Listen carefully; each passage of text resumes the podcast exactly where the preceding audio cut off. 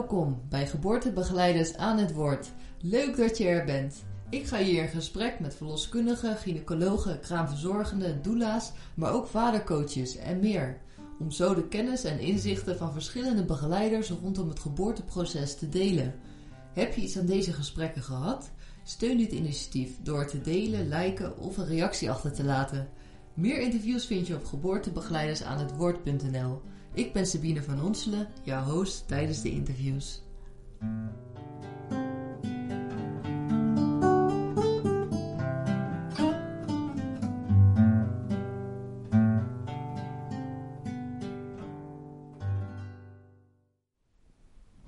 Hoi allemaal, vandaag heb ik een speciale aflevering voor jullie. Ik zit vandaag met Christopher Kerk op de bank. Zij is moeder en geen geboortebegeleider, wat normaal het geval is. We gaan het hebben over een onderwerp waar niet vaak over gesproken wordt en eigenlijk ook een taboe onderwerp is. Het gaat over miskramen. Uh, Christel die wil haar verhaal hierover doen en daar ben ik ontzettend dankbaar voor.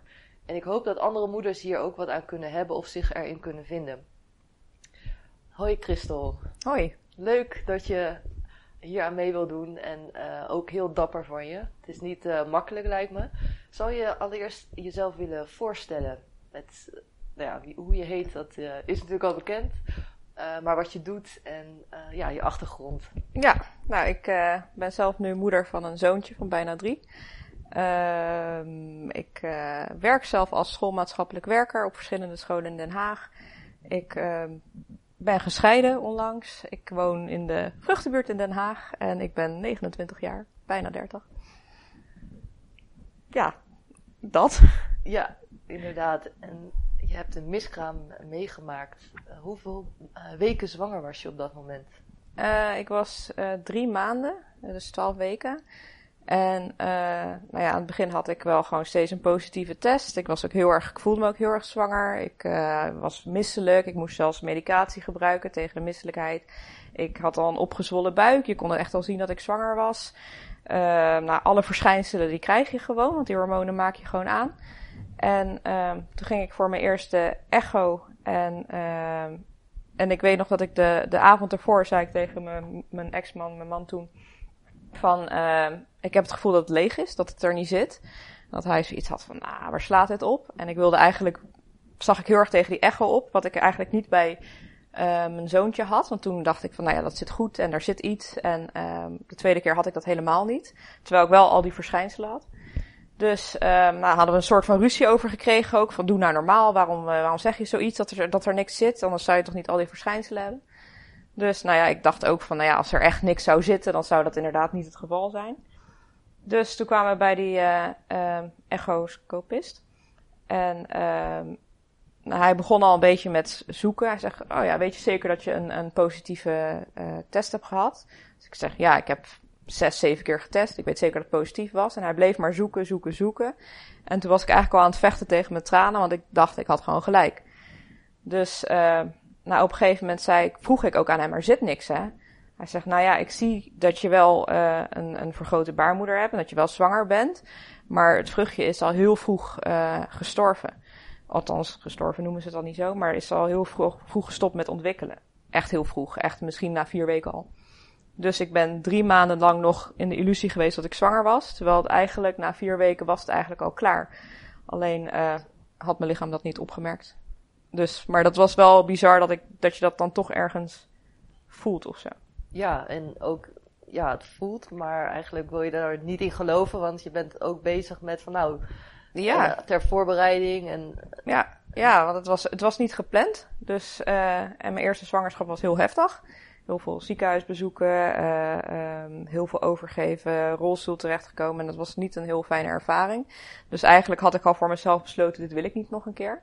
Dus dan word je uh, spontaan zwanger en dan is je eerst gedacht van hoe ga ik dit ooit aankunnen? Ik wil dit niet. En uh, op een gegeven moment gaat dat toch wel over in een soort van liefde. Van ja, ik wil het eigenlijk wel en het is me gegeven. En ik heb die keuze zelf niet hoeven maken, want die had ik nooit durven maken. En nu is het voor mij gemaakt en ik ben er blij mee. Hadden we al uh, het eerste kleertjes gekocht. Uh, iedereen zegt ja, dat moet je niet doen de eerste drie maanden, want het kan misgaan. Maar goed, dat was een soort symbolisch of zo. Van we gaan er samen voor. En het nieuwe huis er rekening mee gehouden, het bedje mee verhuisd, alles gedaan. Dus dat was eigenlijk niet alleen het kindje wat je verliest, maar je hele toekomstdroom eigenlijk. En het was ook bizar, want bij die, bij die echo was het ook zo van, ja, je moet even de verloskundige bellen en dan moet je even kijken wat je ermee wil doen.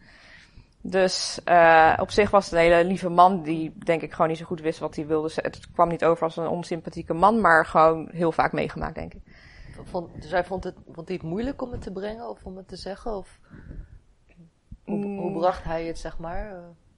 Nou, hij, hij, zei het op zich wel respectvol, maar ook wel heel erg medisch. Van uh, het, het vruchtje is gestopt met ontwikkelen dan en dan. Dus uh, ja, je moet nu zelf beslissen of je het wil afwachten tot het eruit komt of dat je het zelf gaat opwekken.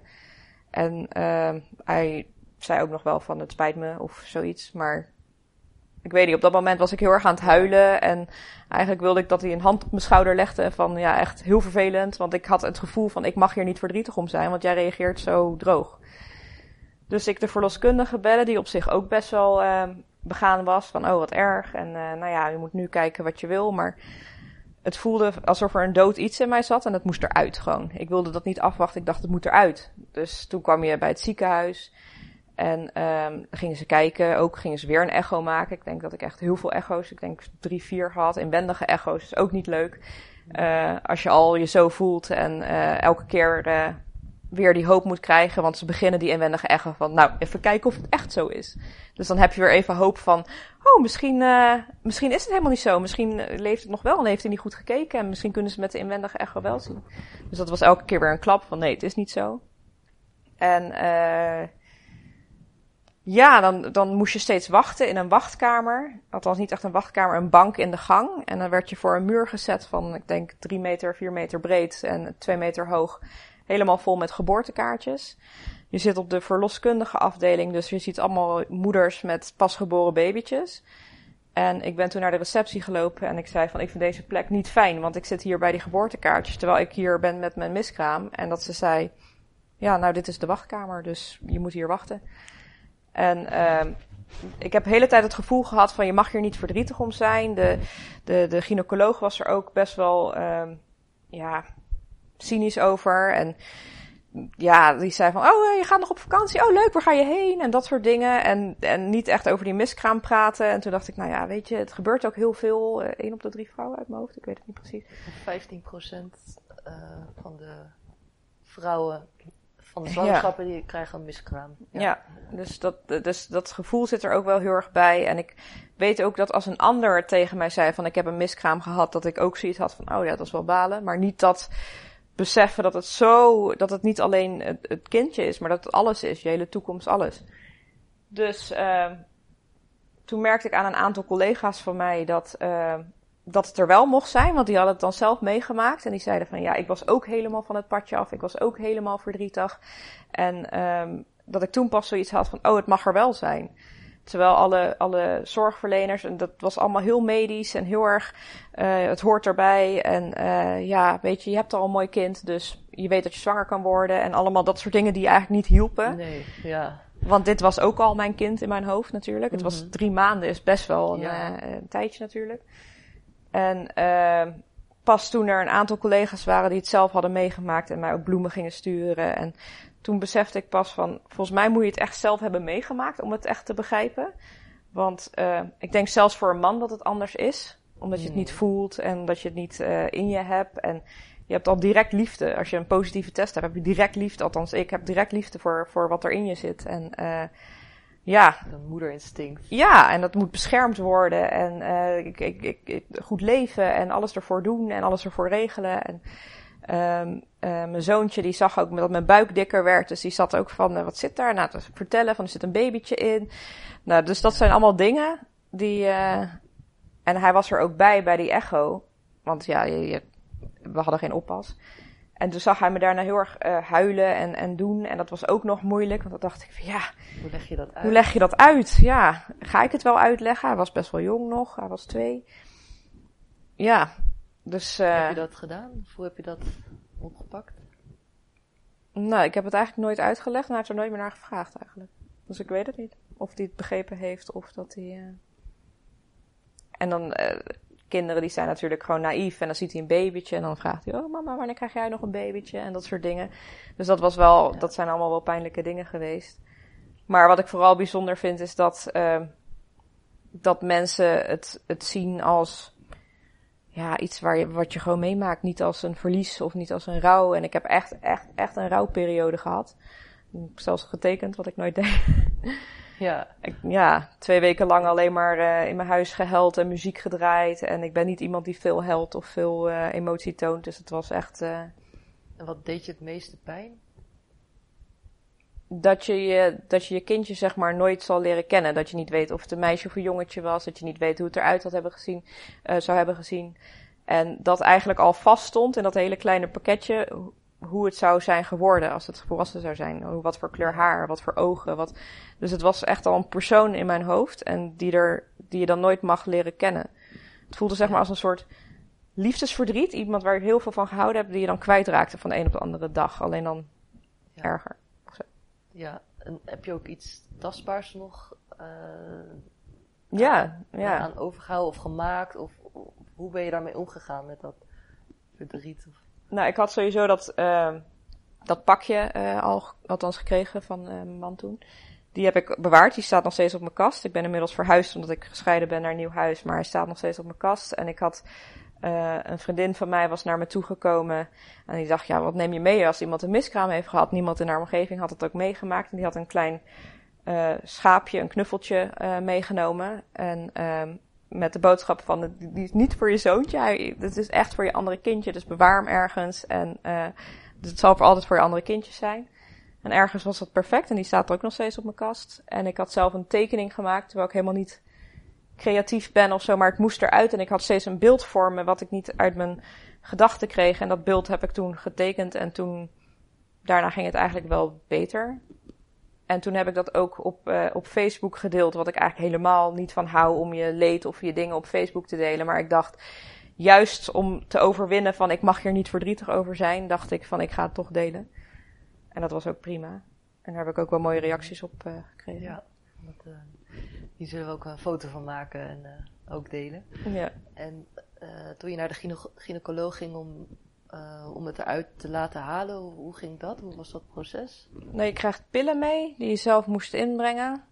En ik was er best wel bang voor. En ik vroeg van, joh, uh, wat, wat gaat er dan gebeuren? En die zei van, nou ja, op een gegeven moment uh, ga je krampen krijgen. En dat, dat zal heftiger zijn dan bij een, een natuurlijke miskraam, zeg maar.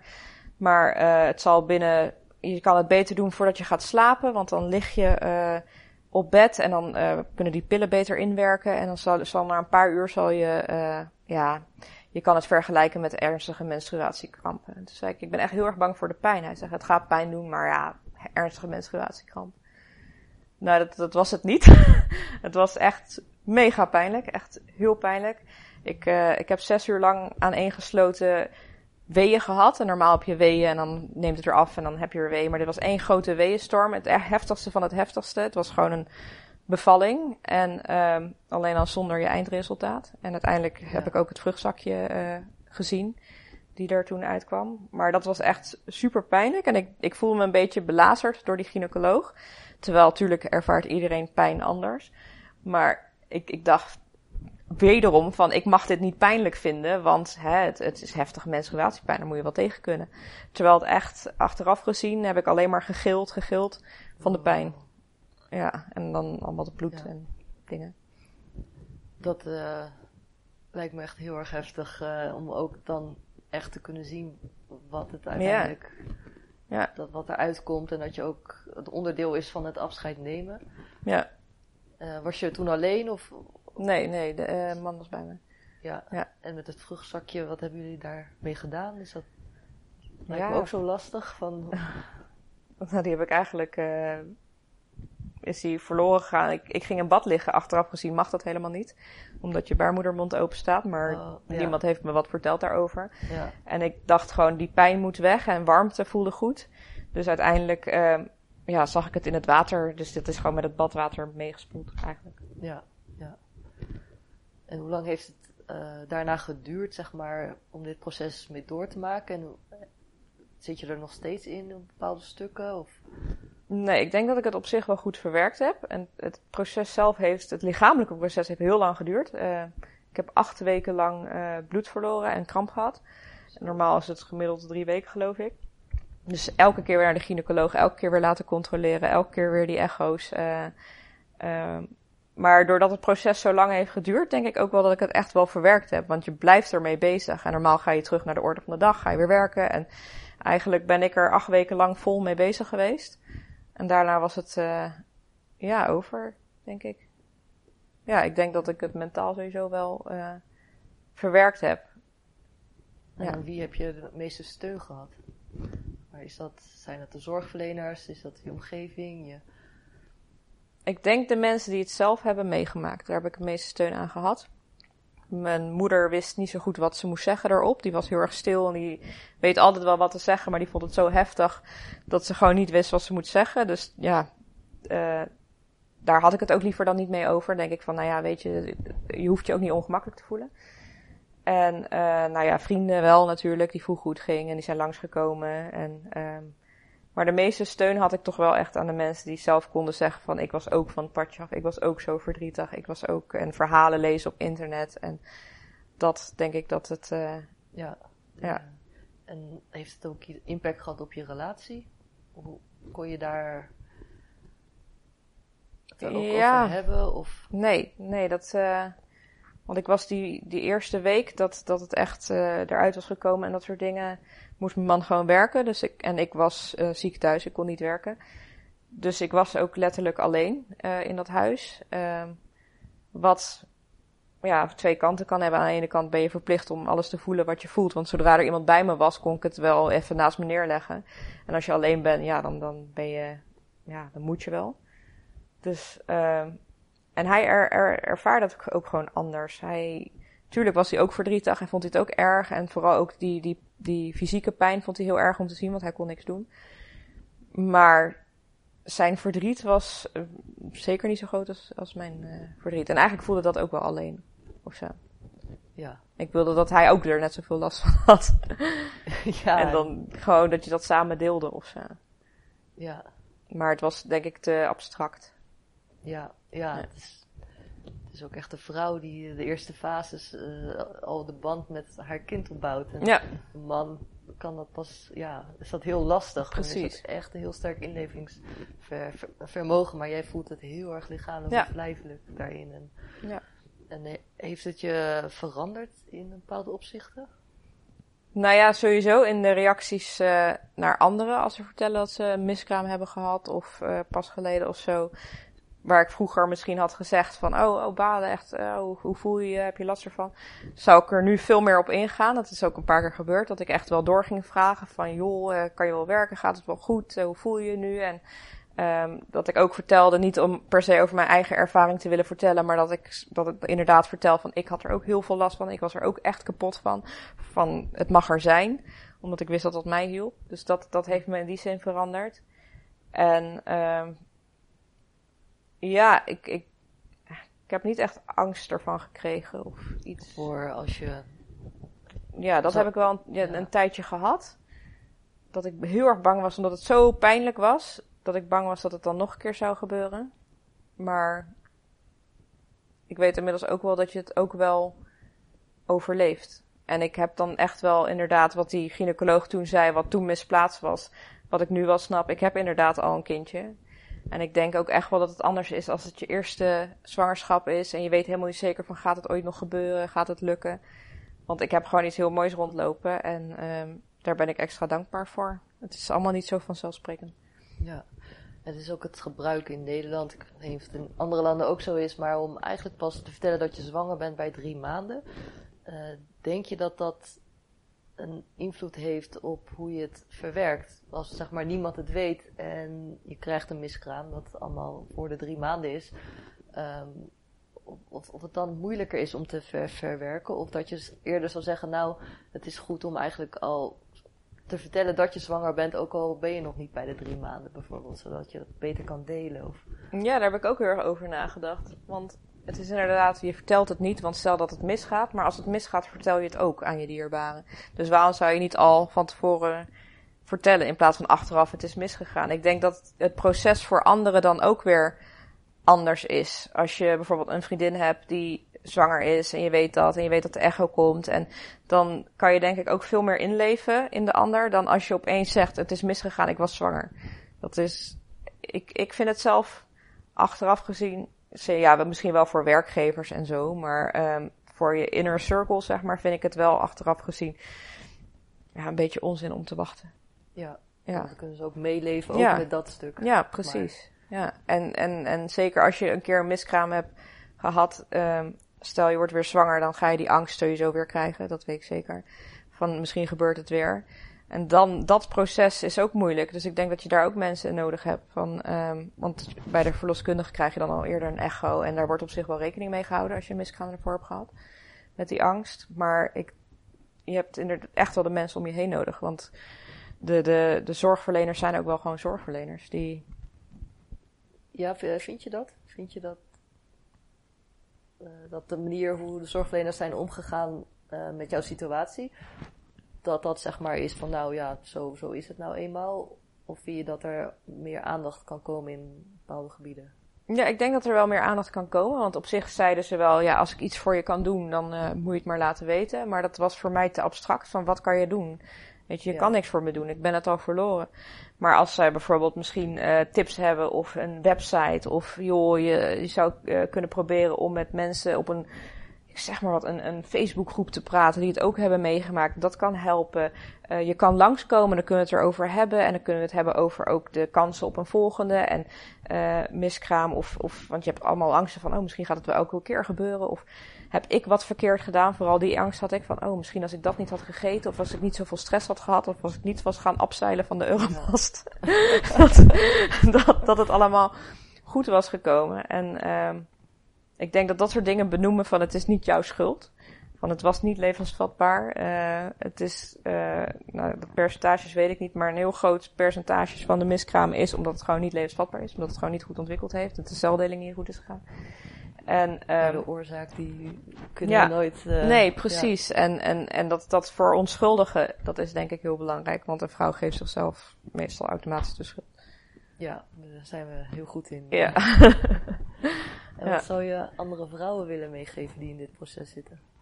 Ja, deel het. Uh, schaam je er niet voor om, om er verdrietig voor te zijn. En het is niet iets wat er zomaar bij hoort. En het heeft een onwijze impact op je leven, op je, op je relatie, op je werk. En je mag er verdrietig van zijn. En je mag um, even uit de relatie zijn. En um, zoek de tijd nemen. Ervoor. Echt de tijd nemen ervoor, ja, inderdaad. En spreek je je zorgverleners er ook op aan? Want dat heb ik zelf dan niet gedaan. Van joh, wil je iets meer. Uh, ik heb heel veel verschillende gezien. Ze waren niet allemaal zo. Maar degene die dat, die dat wel deden, die blijven dan hangen. Van uh, ik hoef niet over mijn vakantie te praten waar ik naartoe ga. Ik zit hier met mijn benen in de beugels. Ja. Met overal bloed. En uh, ik wil het daar gewoon even niet over hebben. ik wil het erover hebben van joh, hoe gaat het met je? Of uh, hoe was het voor je? Of uh, hoe ga je nu verder? Um, en spreek je zorgverleners er ook op aan, inderdaad. Ja. Want het, ze maken het gewoon heel vaak mee. En ik, ik werk zelf als, als maatschappelijk werker. En ik kan het zelf ook heel erg hebben dat uh, als je heel vaak een bepaalde situatie hebt gezien, dat je er minder gevoelig voor wordt. Of misschien zelfs gevoelloos voor wordt. Dus je hebt andere mensen nodig die je dat vertellen. Denk ik. Ja. Dus, jij kan nu wel steun zijn weer voor anderen. Dat is dan het goede wat je ja. uit deze situatie misschien kan halen. Het is ja. uh, sowieso heel verdrietig, en, maar wel een bepaalde inlevingsvermogen wat je ja. Ja. dan versterkt hebt. En, dus, en waarom is het een taboe? Nou, ik denk omdat het zo vaak voorkomt. Dat is eigenlijk net als met menstruatiepijn. Een vrouw mag dat niet ervaren, want ja, zoveel vrouwen hebben het en het hoort er nou eenmaal bij. Dat is met een miskraam ook. Er zijn zoveel vrouwen die dat meemaken en iedereen heeft in zijn kennissenkring wel iemand die het heeft meegemaakt en het komt zo vaak voor. Uh, en het was nog niet eens geboren, je kende het nog niet eens, je weet niet eens of een jongen van mij. Ja, het kan natuurlijk ook later gebeuren, maar dan heet het een vroeggeboorte, geloof ik. Een doodgeboorte. Als, nee, als een als het na drie maanden is? Ja. Een doodgeboorte, ja. Ja. Dus eigenlijk zat jij op de grens, want het is vanaf 16 tot 18 weken noemen ze het miskraam en daar Alles Ja. daarna wordt een doodgeboorte, maar Ja, tijd speelt lijkt me ook wel een rol. Ja. eh, ik denk het ook. Want als je. eh, ik denk dat je het elke keer weer anders ervaart. Ehm, als je een spontane miskraam krijgt, terwijl je niet weet dat je zwanger bent, kan je dat weer anders ervaren. Als je eh, inderdaad veel verder bent, kan je het weer anders ervaren. Als je de volle negen maanden hebt gedragen, kan je het weer anders ervaren. Maar ik vind niet dat we ooit moeten zeggen van de ene pijn is erger dan de andere pijn. Ik vind dat we gewoon respect moeten hebben voor iedereen eh, die dat voelt. En ehm, wat was je vraag ook hoor? Mijn vraag.